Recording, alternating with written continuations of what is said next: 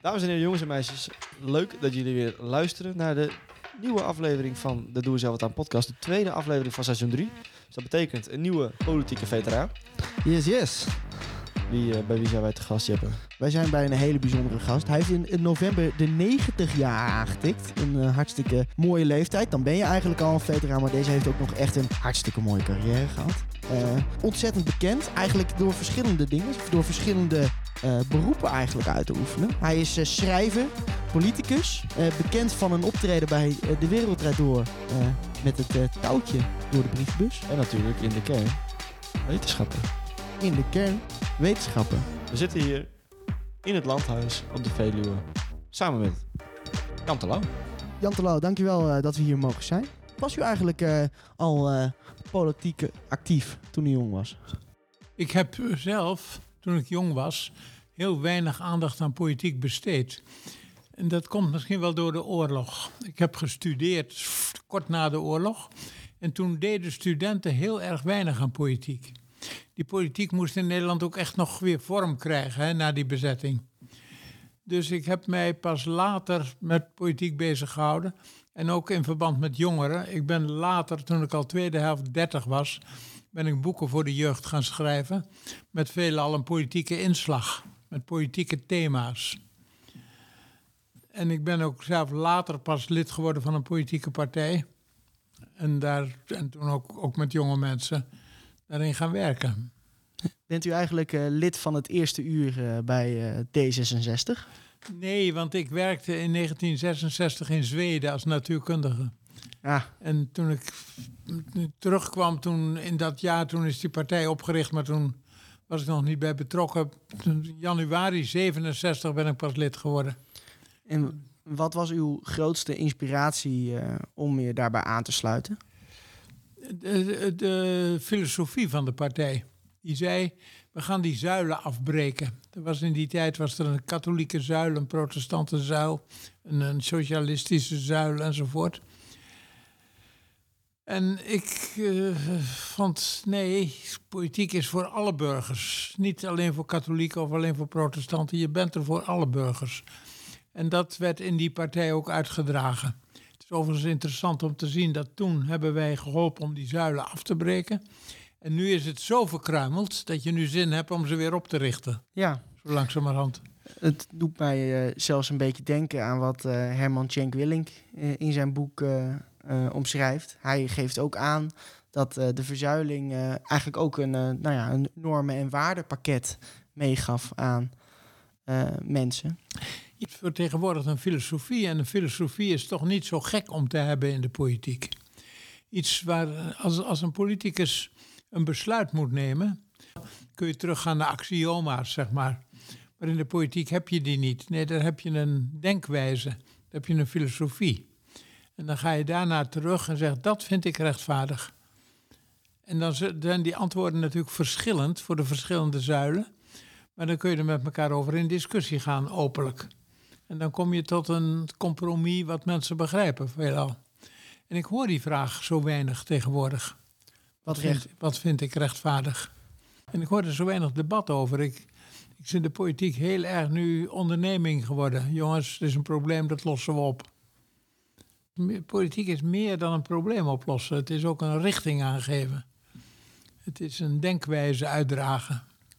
Een waarde uitstralen. Een waarde, als je wilt, ja. En u denkt dat daar nu wel een uh, gebrek aan uh, is? Ik hoor het weinig. Het zal er misschien wel zijn, maar we zijn nu 19 fracties in de Tweede Kamer.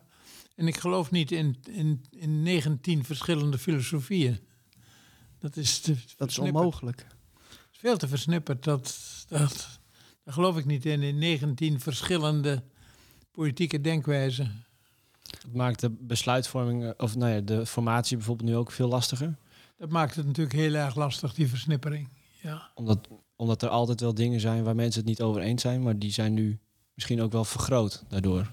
De... Ja, en, en het is toch mooier als je zoals vroeger op een stuk of wat verschillende filosofieën, het socialisme, het conservatisme, het liberalisme, daar kon je op terugvallen. En uh, wat moet ik met die 19 denkwijzen? Ik heb daar moeite mee.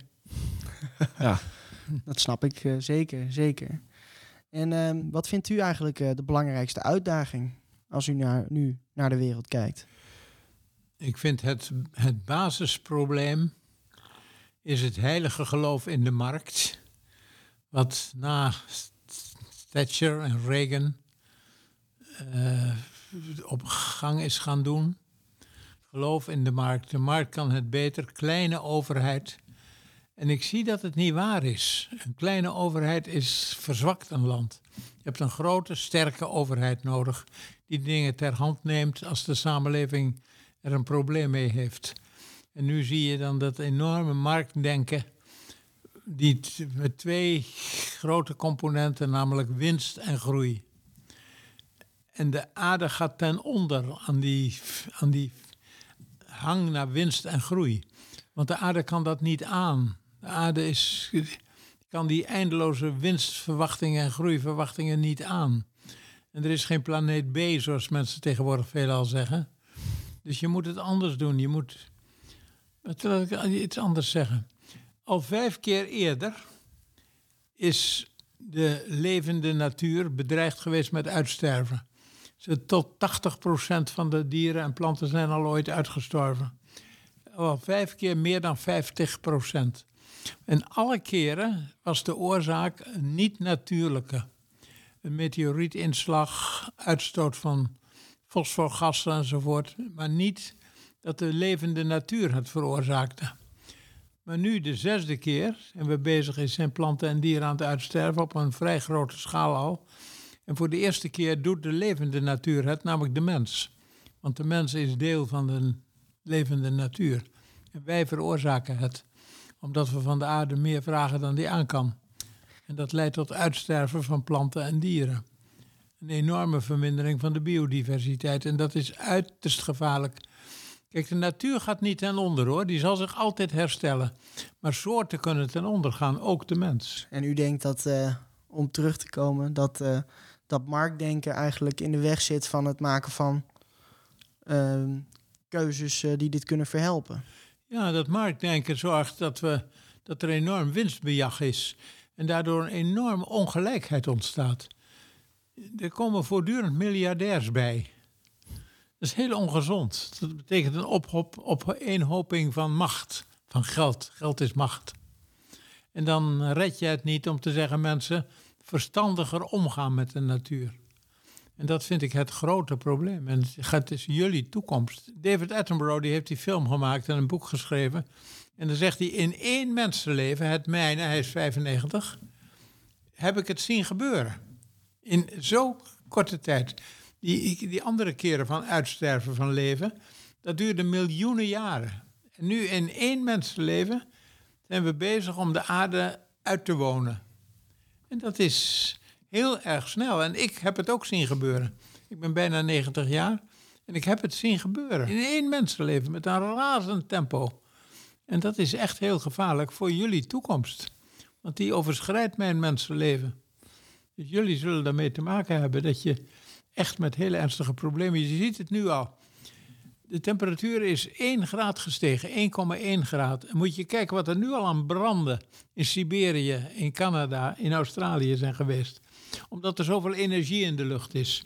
Moet je je even voorstellen dat de temperatuur 2,5 graad gestegen is. Wat er dan gaat gebeuren. Denk je dat jongeren zich genoeg zorgen maken om deze situatie? Ik denk dat jongeren het steeds meer beginnen in te zien.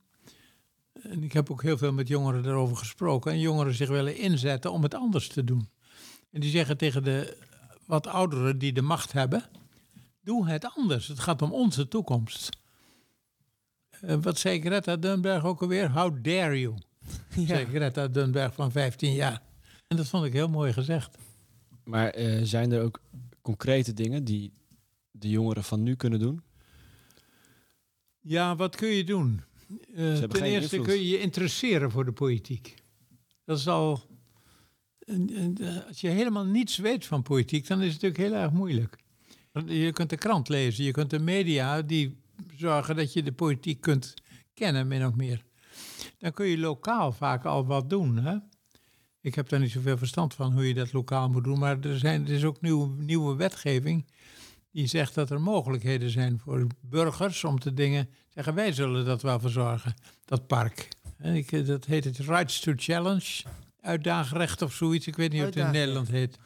En dat eh, gebruiken, dat, dat kun je doen. Je kunt ook lid worden van een politieke partij. Wat ik dus wat de oudere leeftijd heb gedaan.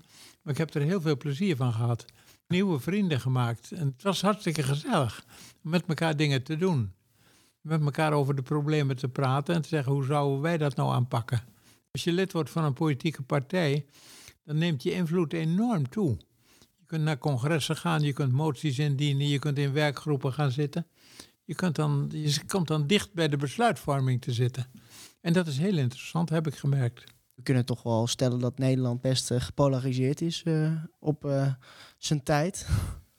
En eh, ziet u dan eh, daar eh, ook een mogelijkheid in om ja, burgers meer te betrekken bij die politiek als een oplossing daarvoor? Nou, ik denk dat burgers het vaak beter weten dan, dan de gekozen politici. En die gekozen politici die moeten dat ook inzien. Zeggen, hé, hey, dit, dit kunnen die burgers eigenlijk veel beter. Dat voetbalveld verzorgen of dat park. Of, nou, laten ze dan over en betalen ze daarvoor. Want het uitdaagrecht geeft die mogelijkheid nu. En hoe dichter de... Je ziet tegenwoordig dat er allerlei burgerberaden in allerlei landen ontstaan. En als die burgers zich verdiepen in het probleem, dat ze ook de, de nadelen van maatregelen makkelijker aanvaarden. Ik, ik heb vaak, naar aanleiding omdat ik de oorlog ze zo bewust heb meegemaakt, in de afgelopen jaren heel vaak natuurlijk bij allerlei vrijheidsfestivals gesproken over vrijheid. Wat was het om bevrijd te worden? En hoe langer hoe meer ben ik tot de conclusie gekomen, vrijheid is natuurlijk absoluut niet lekker doen wat je wilt. Je ziet het nu met die corona. Hè? Mensen zeggen, ik wil me niet laten vaccineren en daar wil ik vrij in zijn. Oké, daar mag je vrij in zijn. Maar je bent niet vrij om je medeburgers te besmetten. En niet te helpen beschermen. Dus dan moet je niet zeuren als je je moet laten testen voordat je in een gezelschap komt. Dat vind ik, dat is een verkeerd begrip van vrijheid. Dat je je medemens mag besmetten. Dus daar moet je ook wat voor over hebben. Niet, niet vaccineren, nou ja, dan testen. Spijt me wel, maar eh niet over zeuren. Je kan ook als burger niet altijd alles hebben. Nee, een burger, je burgerij moet beschermd worden. En als Ja. je kijkt naar wat vrijheid is, vrijheid is met elkaar afspreken. Dat doen we wel en dat doen we niet. Op een democratische manier. En hoe doe je dat? Door het in een wet te zetten. Een democratisch gekozen wet is het mooiste symbool van vrijheid wat er is, vind ik. De Joden hebben er ook een feestdag aan gewijd. Simchat Torah. De vreugde van de wet. Wees blij met de wet. Want dat is, dat, is, dat is de basis van onze vrijheid. Dat we samen een wet maken waarin we rekening met elkaar houden. En de vrijheid van de een mag natuurlijk ook niet eh, worden bekrompen door de vrijheid van een ander. Dus dat Precies, Is, daarom is het. Hè? Als je zegt lekker doen wat ik wil, ja, dan tast je wel de vrijheid van anderen aan. Nou, dat hebben we opgelost met politiek, met wetten maken. democratiebedrijven. Democrati- de democratisch gekozen wetgeving is het mooie symbool van vrijheid. En dat moet je dus beschermen. ja. En Misschien daar kunnen jongeren ja. aan meedoen. Ervaart iedereen het ook zo of moet je dat in de praktijk ervaren? Ja, als je eraan meedoet, dan, dan denk je erover na en dan ga je ook begrijpen hoe lastig het is. Dat het is niet zo simpel. Van ik ben lekker vrij, punt. Nee, hoe vul je dat in in een samenleving? En als je daaraan meedoet, dan kun je het ook makkelijker aanvaarden. Dat je, je bent niet vrij om alles te doen. Het zou heel schadelijk zijn als ieder maar kan doen wat hij wou. U heeft een boek geschreven met de titel Hutu voor mensen die het zeker weten. Wat bedoelt u daar eigenlijk mee? Ik heb ervaren, maar dat hebben we allemaal ervaren. Als mensen iets zeker weten, dan moet en zal een ander dat ook weten. En dat is heel ver gegaan in de geschiedenis. Als je niet weet wat ik weet, of dat niet wilt aanvaarden terwijl ik het zeker weet, dan zet ik je op de brandstapel. Of ik schiet je dood. Terrorisme en zo. Dat is zo ontzettend gevaarlijk, mensen die iets zeker weten. En ik ben een wetenschapper, een natuurwetenschapper, en daar weet je nooit iets zeker. Een wetenschap weet nooit iets zeker, die zoekt altijd om dichter bij de waarheid te komen. Die weet iets bijna zeker, maar zoekt naar dichter naar de waarheid komen. Ja. Ja, en dat is misschien ook wel het probleem als we kijken naar... eh, ehm, als je wetenschap niet gelooft, dat een wetenschapper, als hij het goed doet, ook nooit... Dat is het probleem, ja. Dat de Ja. wetenschapper die gaat niet op de barricade en zegt... ik weet dit helemaal zeker, want hij weet het niet zeker. Maar ik zou wel willen dat de wetenschappers wat vaker zouden zeggen... mensen, ik weet het wel bijna zeker. In ieder geval weet ik het beter dan jij, want ik heb ervoor gestudeerd. als, mensen, als, als, als politici niet meer willen luisteren naar wetenschappers... dan moeten ze eens bedenken wat ze allemaal te danken hebben aan de wetenschap. Een langere levensduur, kleinere kindersterfte, minder pijn bij een operatie. eh, Ja. Allemaal te danken aan de wetenschap. Wat moet je zonder de wetenschap? Die heeft ons leven toch veraangenaamd en, en veiliger gemaakt en beter gemaakt, ja. En dan, eh, natuurlijk, wetenschappers weten niet alles. Die blijven twijfelen. Het is een grote vriend. Als ze niet meer twijfelen, dan moeten ze uit de wetenschap gaan. Door je twijfel zoek je verder. Maar ga niet zeggen, ik geloof de wetenschap niet. Zeg, wetenschappers, zeg nou zo nauwkeurig mogelijk hoe zeker je het weet. En volksvertegenwoordigers, neem die kennis en vertaal het in maatregelen. Daar zijn jullie voor. Niet om te zeggen hoe het zit, maar wel als het zo zit als de wetenschappers zeggen, gaan wij dat vertalen in maatschappelijke maatregelen. Zo, dit doen we wel, dit doen we niet. Dat is iets wat we nu natuurlijk wel vaak zien. Dat de wetenschap eigenlijk niet meer geloofd wordt. Of, of niet meer gebruikt wordt in de politiek. Dus zie je de laatste jaren steeds vaker. Hè? Ja. Je zijn, van- die komen van die partijen op en die zeggen: ik, ik weet het beter, ik geloof de politiek, ik geloof de wetenschap niet. Zo, er zijn mensen die zeggen: ik geloof niet dat er een coronaziekte is en ik geloof niet in het vaccin. Ja. Hoe kom je erbij? Je weet er niks van, zeg ik dan. Nee. Hou je mond dicht en luister naar de mensen die ervoor gestudeerd hebben. En hoe zouden we dat moeten oplossen? En- Of hoe moeten we daarmee omgaan? Nou, de, de politiek moet, moet zeggen wat ik nu zeg. Jongens, we, we accepteren de resultaten van de wetenschap. En we gaan niet zeggen dat we het niet geloven. En we financieren de wetenschap. En we roepen de wetenschap te hulp. En tegen wetenschappers zeg ik, durf eens iets vaker op de barricade te gaan. En te zeggen, politici, je zeurt. Je plaatst uit je nek. Dat weet ik bijna zeker. Eh, ik had nog een vraagje om even terug te gaan nog. Eh, u bent op een wat latere leeftijd de politiek ingegaan. Wat is dan de reden geweest, of de inspiratie geweest om toen nog eh, de politiek in te gaan, om die afslag te nemen? Ja, het kwam. Ik, ik deed kernfusieonderzoek. En dat schoot helemaal niet op. En ik, ik realiseerde me, dit gaat in mijn tijd niet leiden tot conclusies. Toen had ik er wat minder zin in. Er kwam bij dat ik nog vanuit de oorlog politiek heel belangrijk vond. Omdat ik dat heel bewust heb meegemaakt, die oorlog, die bezetting. En dat er net een partij werd opgericht naar mijn zin. Die dingen bij elkaar hebben gemaakt dat ik de politiek inging. Ik ben begonnen met gemeentepolitiek in Utrecht. Eerst een jaar gemeenteraadslid geweest. Toen in de Tweede Kamer gekozen. Dat was een hele linker stap hoor. Ik was tiende op de lijst en we haalden elf zetels. Anderhalf jaar later viel het kabinet, opnieuw verkiezingen. Ik stond zesde op de lijst en we haalden zes zetels. Ik had vier kleine kinderen. Dat is best link. Maar goed, het is goed afgelopen en nog een anderhalf jaar later was ik fractievoorzitter.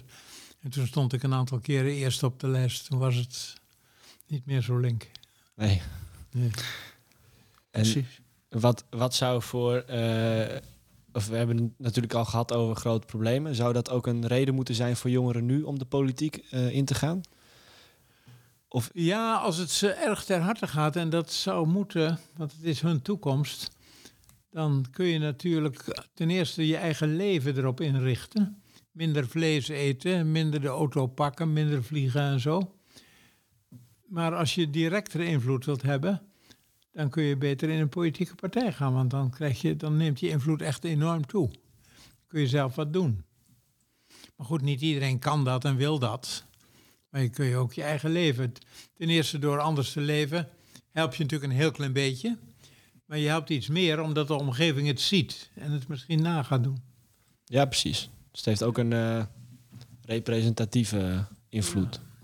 Eh, als je nu op terugkijkt, ehm, Klimaatverandering, dat u, eh, de- hoe stond u daar eh, tegenover eh, in uw politieke carrière? Ja, daar heb ik me altijd heel erg mee bezig gehouden. Ik, ik ben meteen aan be- natuurbescherming gaan doen toen ik in de Tweede Kamer kwam. Waddenzee beschermen, Oosterschelde openhouden en zo. Natuurgebieden beschermen. En ja, al, al wel 30 jaar roep ik mensen, kijk uit, het klimaat is aan het veranderen. Dus daar voel ik me niet erg schuldig dat ik daarin tekort ben geschoten. Nee, exact. Maar eigenlijk zien we pas in de laatste nou, 10, 15 jaar dat klimaatverandering echt heel veel aandacht krijgt. Ja, het heeft lang geduurd voordat de mensen. In, 19, in de negentiger jaren is het dat IPCC opgericht, wat iedereen nu kent, hè? Intergovernmental Panel on Climate Change van de Verenigde Naties. Toen was de temperatuurstijging pas 1 tiende graad. Toen hebben ze dat al opgericht. Het was al langer bezig, toch natuurlijk. En die waren ook heel erg voorzichtig in het begin hoor. Die zeiden: het zou wel eens kunnen dat het verbranden van fossielen een bijdrage levert aan die temperatuurstijging. Dat was in de negentiger jaren. In 2006 of 2007 kwamen ze met een veel rigoureuzer rapport en zeiden hoogstwaarschijnlijk is het verbranden van kolen, olie en gas een belangrijke bijdrage aan de temperatuurstijging die maar doorging. Was niet goed genoeg om de internationale klimaatconferentie van Kopenhagen een succes te laten zijn. Die mislukte eigenlijk totaal. En pas in 2014 kwam er een rapport van het IPCC die zei: We weten nu wel behoorlijk zeker dat de hoofdoorzaak is het verbranden van fossielen. En dat hielp voor Parijs in 2015. Ja, precies. Ze hebben toen eh, redelijk goede beslissingen genomen. Namelijk, we gaan iets doen. Helaas zijn ze er niet bij hoe. en nu, naar Glasgow, zullen ze moeten gaan zeggen, hoe dan? Ja. Want op deze manier gaat het niet goed. Nee, precies. Zie je, zie je weer alle rapporten van het Internationale Energieagentschap van de week weer. Ja, De CO2-uitstoot is weer groter dan voor de corona. ja. Het is niet afgenomen. En dat is niet goed genoeg. Dus Glasgow zal definitiever moeten zeggen... en zus en zo gaan we dat doen. Is niet eenvoudig hoor, want Biden die heeft een heel groot programma... om over te gaan op kernenergie en zonne-energie en minder kolen. Maar er is één democratische senator, ik geloof van Wisconsin... uit een kolenstaat en die dreigt af te vallen. En aangezien het 50-50 is is dat eh, catastrofaal als één zo'n man niet meer meedoet. Dat soort gevaren loop je.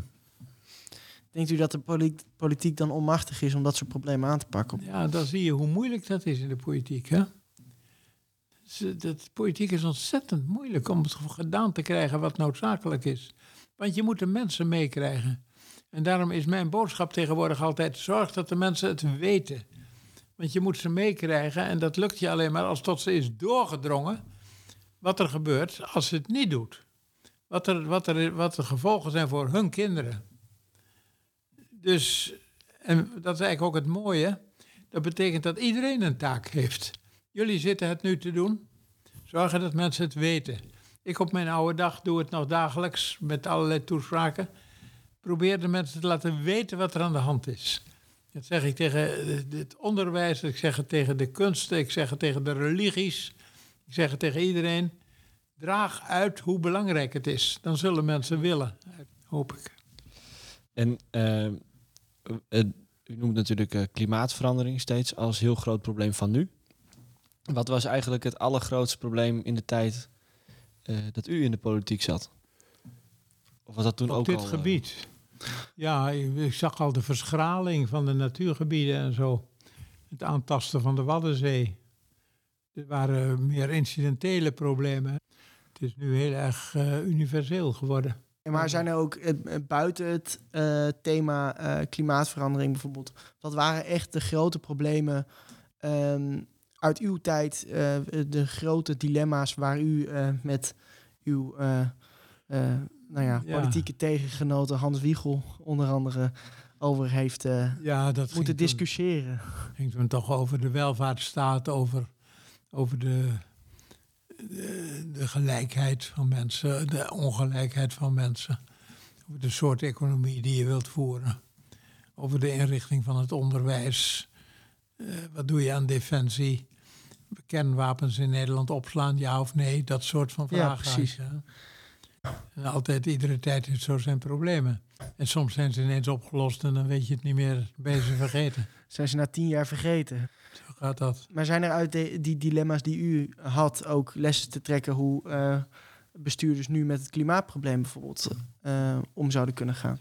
Nou, mijn belangrijkste advies is: betrek de mensen erbij. Ik vind die burgerberaden die je nou in verschillende landen ziet, die blijken heel erg functioneel te zijn. Als de burgers erover gaan meepraten, je zorgt dat ze de goede voorlichting krijgen, dat ze erover discussiëren, en dan willen ze. Dan willen ze meekomen.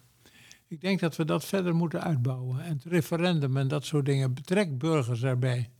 Want je, je hebt ze nodig. Je krijgt het niet voor elkaar zonder Ja. de burgers. Dus meer initiatieven om burgers bij de politiek te betrekken. En als we het dan over het referendum hebben, dat is natuurlijk eh, wel een, eh, een item wat ook binnen uw partij eh, toch voor wat perikelen heeft gezorgd, zeg ik het zo, eh, denk ik. eh, ja, het regeerakkoord zei dat het afgeschaft moest worden. En dat Ja. werd met een sneltreinvaart gedaan, tot mijn ongenoegen. En dat, eh, da- daar bent u het dan niet mee eens? Dat Nee, daar ben ik het grondig mee oneens. Als dat dan moet volgens het regeerakkoord, had ik dat een beetje vertraagd. En in ieder geval niet pal voor de gemeenteraadsverkiezingen. Ja, Of het als precies. provinciale statenverkiezingen. Ja, geloof provinciale staten, ja, Ja. klopt. Dat leek mij tamelijk onverstandig. Maar Dus, ja. dus, dus een politieke eh, truc van Terlouw is dus, eh, eh, als het je het, eh, tegenzint, ook een klein beetje vertragen als het moet. als, als je dat kunt, dan moet je dat vooral doen, ja. ja. Eh, we hebben ook weer een vraag, hè Jens? Uit het Leeuwarden Studentenleven. Hartstikke mooi. Dit keer hebben we de vraag uitgezet bij eh eh, Magiso. Dat is de studievereniging voor de lerarenopleiding. En eh, we gaan naar eh, de vraag luisteren. Hi, ik ben Tessa. Ik, ben, eh, ik zit in het bestuur van SV Magiso. Dat is een studievereniging eh, voor docentenopleidingen. En wij hebben eigenlijk een vraag voor u. Er is weinig tijd voor politiek in het onderwijs, wat erg jammer is. Hierdoor wekt het niet echt de interesse op. Hoe kunnen wij ervoor zorgen dat er meer politieke sprekers komen die wat over zijn of haar achtergrond kunnen vertellen? Mijn eerste antwoord is dat ik vind dat op alle, bij alle onderwijs en op alle niveaus, vanaf de lagere school, er een vak maatschappijleer of eh, staatsinrichting of puur recht moet zijn. Ik vind dat je bent kinderen aan het opleiden tot staatsburger. Ze worden allemaal staatsburger als ze het overleven. En dan moeten ze gaan stemmen en zich be- belangstelling hebben voor de politiek. En de onkunde bij 20-jarigen is schrikbarend vaak. Er zijn nog zoveel mensen van 20 die denken dat de koning de hoogste baas van Nederland is. En geen idee hebben hoe de democratie werkt. Dus stop het in het onderwijs als vak, het vak recht. Ik heb een dochter die is hoogleraar in de rechtssociologie. En dat is wat ze al jaren roept. Ik kom, zegt ze, komen zoveel studenten tegen met een gebrek aan kennis over de staatsinrichting. En wat het betekent om staatsburger te zijn. Dus dat zou is wat ik het eerste zou doen. En als je dat dan doet, dan kun je aan de hand daarvan wel allerlei co- concrete toepassingjes vinden, zoals deze vraagsteller suggereert. Eh, het is eigenlijk ook een eh, terugkerend eh, iets binnen onze interviewreeks. Dat het, nou ja, het, het, het burgerschapsonderwijs heet dat tegenwoordig dan. dat daar eigenlijk weinig aandacht naar uitgaat. Ja. En- Neem, neem nou zo'n neem nou zo'n probleem met die, met die corona-check, hè, pas. Ja, Er zoveel mensen zijn die zich en niet laten inenten en erover zeuren dat ze zo'n pas moeten hebben of zich moeten Ja. laten testen. Als ze echt onderwijs hadden gehad in democratie, in hoe het zit om met elkaar een samenleving te hebben, dan zou dat makkelijker oplosbaar zijn, denk ik. Iedereen moet een beetje verstand van politiek hebben eigenlijk. Weet wat hij kan doen als, die, als een staatsburger. basis. Je hebt Ja. een heleboel rechten, maar je hebt ook een heleboel plichten. En een van mijn politieke slagzinnen is altijd geweest: het hebben van plichten is een recht. Als mensen rechten, oké, natuurlijk, die moet je hebben. Maar plichten zijn net zo belangrijk, want dan hoor je erbij, dan ben je mede verantwoordelijk. Dan doe je mee, dan denk je mee. Je hebt recht op plichten. ja, en wat voor plichten eh, zit u dan zelf aan te denken? Ja, om een verantwoordelijke staatsburger te zijn. Om Ja, de dingen te, dingen te moeten en te mogen. dat is de, dat is de grootste plicht van een burger. Ja, het is zo ontzettend fijn als mensen verantwoordelijkheid mogen dragen. Ik heb heel veel medewerkers gehad natuurlijk in mijn leven. En ik heb altijd geprobeerd om ze maximale verantwoordelijkheid te geven. Niet zeggen, als jij dat en dat gaat doen, denk eraan regeltjes A, B en C. Zeggen wel, nee, dat kun je prima. Vul het maar in zoals je wilt. Ik vertrouw erop dat je het kunt. Dan krijg je veel betere resultaten dan wanneer je zegt precies zo en denk aan de regels. Geef mensen verantwoordelijkheid. Dan horen ze erbij. Ja, denkt u niet dat de overheid daar dan ook een rol in moet spelen? Ja, maar natuurlijk. Want de overheid die trekt heel veel verantwoordelijkheid ook naar zich toe. Daar kan de overheid Nou, de overheid goed. heeft grote verantwoordelijkheid, maar hij moet het niet tot in detail gaan regelen. De overheid moet zeggen, "S- dat moet je gaan doen en hoe, dat zie je maar. en niet tot in detail regelen. Van de brandweer en dan krijg je achteraf de brandweer evaluatie bij de brand. Dat is verkeerd gedaan. Zeg ik, ja, was je erbij? Kon jij zien wat je kon doen? Laat het aan die mensen over. En hoe meer verantwoordelijkheid je ze geeft, hoe beter ze het doen. Daar ben ik echt van overtuigd. Ik heb pas de gelegenheid gehad om op FNV-congres in Rotterdam de laag betaalden, zeg maar, toe te spreken. De, de onmisbare, zoals in het boek van Ron Meijer staat. En ik heb daar gezegd, er zijn twee dingen die ik het belangrijkste vind. Dat is eh, de rechtvaardigheid, de vraag wat is rechtvaardig, en vertrouwen. Vertrouw elkaar. Met die twee dingen kom je in heel eind, denk ik. Ik, eh, nog wel één vraag eigenlijk. Eh, u eh, bent zelf natuurlijk op latere leeftijd de politiek ingegaan. En politiek actief geworden. Maar u roept eigenlijk jongeren op om wel om jong, op jonge leeftijd politiek actief te worden. Ja, als je dat, als dat je ligt, als je Ja. daar plezier in hebt om dat te doen. Niet iedereen hoeft politicus te worden. Maar wel dat- moet iedereen weten hoe het werkt, de politiek. Weten wat zijn rechten en zijn plichten zijn. Dat is wel belangrijk. Dat, dat verrijkt je leven wat je ook doet. Ja, Wist u dat op eh, onze leeftijd ook? Wat eh, de rechten en plichten waren? eh. Toen, het- zoals ik begon te zeggen, toen ik zo jullie leeftijd had, toen deden we nou eigenlijk nog niet aan politiek. Toen, het was kort na de oorlog, dat was een andere tijd. De Nederlandse politiek moest nog helemaal vorm krijgen na die oorlog. Nou goed, ik eh, wil u hartelijk danken in ieder geval. eh. Nou, mooi wat jullie doen. Ga ermee door. Nou, dankjewel. Dank wel. Dat is goed om te horen. Dat is eh, fijn, ja. En eh, ik ben eh, ontzettend eh, blij en verheugd dat wij dit gesprek hebben gehad. En dat was dan alweer de laatste aflevering van 2021. Dames en heren, jongens en meisjes, niet getreurd. Volgend jaar zijn we er gewoon weer. Eh, moeten we ook met een jaaroverzicht komen? Of met de mooiste momenten van de podcast? Wat was nou eigenlijk nou jouw mooiste moment eh, van de podcast in 2021? Ja, ik vind wat ik echt het allermooiste vind, eh, vond afgelopen jaar, de autoritten met Jeppen naar de verre steden en weer terug. Ja, vooral dat, je, dat, dat ik dus aan het rijden ben. Dat er eh, een bepaald persoon, ik wil niet zeggen wie, in slaap valt. Heerlijk. En dat het vooral een heel rustig ritje terug is. Dus ik begrijp dat dat eigenlijk jouw dieptepunt is. Nee joh, was hartstikke gezellig. Het, het- de- vooral de heenrit zit al vol energie. Ja. En daar zit je ook eh, naar uit te kijken. Dus al die energie is eigenlijk gewoon al op. Ja. Na, na zo'n interview. Ja, en dan eh, ga ik knock-out. Ja, ik ben blij dat eh, de vorige keer Bram mee is gegaan. Heb ik tenminste nog iemand op tegenaan te praten. Wat, wat was jouw hoogtepunt, Jeppe? Eh, nou ja, kijk, ik vind eigenlijk eh, de route die wij hebben afgelegd, dat is toch eh, wel mooi. In de auto, ja. In de auto. Ja, ik, ik, ik heb het dan over de. de, de ik, nou ja, weet je, we zijn met deze podcast begonnen. En eh, ehm, ja, ik had eigenlijk ook niet verwacht dat wij. na seizoen 1, nou, is nog een seizoenetje aan vastgeplakt. En nu seizoen 3. Met name, daar zeg je u tegen. Letterlijk. Ja, nou ja, en het- ik ben wel trots wat we daarin in hebben, hebben bereikt. Ja, Eh, zeker. Niet eh, niks afdoen aan de, de gasten die we in seizoen 1 hebben gehad. Want die zijn natuurlijk ook hartstikke tof. En eh, hebben ook een eh, fantastisch mooi verhaal gehad. Maar ehm, ja, dat is eh, voor ons persoonlijk denk ik ook gewoon een hoogtepunt. Om eh, dan echt tegenover zo iemand te zitten. En eh, echt met hem eh, in gesprek te gaan. Nou ja, toch nog een klein eh, jaaroverzichtje. Zullen we dan maar afsluiten? Vergeet ook niet om ons te volgen op zowel Instagram als Twitter als Facebook. En eventueel zelfs op Spotify, want dat kan gewoon tegenwoordig. En wat we ook wel leuk zouden vinden, is als je eens een keer een recensie achterlaat. We gooien wel heel veel content jullie kant op, maar hoe eh, wordt het eigenlijk ontvangen? Daar zijn we eigenlijk wel benieuwd naar. Wij willen ook wel terug. Ja, zeker. Ja, eh, en we verwachten natuurlijk, hè, het is de tijd van de Spotify Wrapped. Ja, Ik verwacht eh, bij iedereen een top 1 notering, hè? minimaal top 5. Min- Ja, hij moet ertussen staan. Hij moet ertussen staan. Ja, en, en anders moet je bij zelf te raden gaan, hè? Brengen Ja. wij dan te weinig content uit? Ik zou dan wel even bij mezelf nagaan van... hé, hey, Heb ik mijn prioriteiten wel op orde? ja, dit, er gaat iets mis, zou ik zeggen dan. Hey, lieve luisteraars. Ja. Zien jullie volgend jaar. Fijne jaarwisseling Tot volgend jaar, Jeppe. en tot volgend jaar.